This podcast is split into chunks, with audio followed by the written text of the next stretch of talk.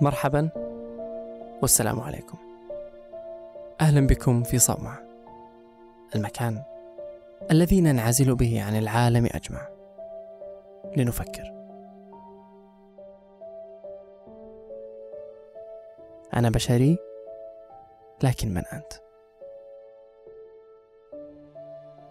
تخيل لو أنك اشتريت هاتفا جديدا وحينما استعملته لأول مرة بدأ هاتفك بالتحدث معك والسؤال عنك ماذا تحب؟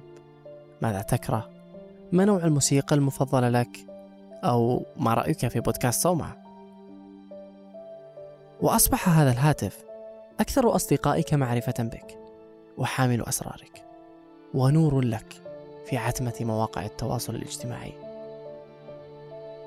أحينما يصل لعمره الافتراضي ستتخلص منه؟ أم أنك ستنقل وعيه لهاتف جديد ولكن هذا رأيك أنت ماذا عن رأيه هو؟ هل يريد أن يستمر معك؟ هل يريد جسدا جديدا؟ من أنت لتقرر عنه؟ في الرابع من مايو 2018 صدرت لعبة ديترويت نحو الإنسانية والتي كانت تدور حول المستقبل المظلم للبشر الآليين الذين تم استعبادهم من قبل البشر وكيف لهم أنهم ثاروا على سكان مدينة ديترويت. منذ أن تبدأ باللعب هناك آلية تكون كمساعدة لك طول اللعبة تخدمك وتشاركك رأيها عن الأحداث التي تجري لك في اللعبة.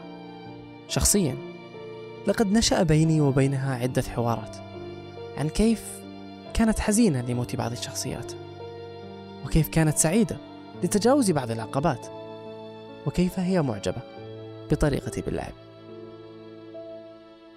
حتى وصلت للنهاية وقالت لي جملة كنت حرا بالقرار أنا وحدي. قالت لي هل يمكنني الذهاب وأن أتحرر؟ لم أعد أريد خدمتك بعد الآن. فاتخذت قراري بأن تذهب هي حرة طليقة. مخيف. لماذا تعاطفت معها؟ هل لأن مظهرها بشري؟ ماذا لو أن هاتفي أو حاسوبي؟ اختار أن يكون حرا. هل سأحرره؟ كل هذا عني. ماذا عنك؟ هل ستحرر؟ ما لا روح فيه لو نطق؟ حينما أعطيت الحرية لمن استعبدوا قبل مئة عام تقريبا هل كانوا على صواب؟ وإن كان كذلك ما الفرق بين هاتفك الذي في المستقبل وبين العبيد في الماضي؟ لكن لمن الحرية؟ شكرا لحسن استماعكم ننتظر مشاركاتكم على حسابنا بتويتر وإلى ذلك الحين إلى اللقاء.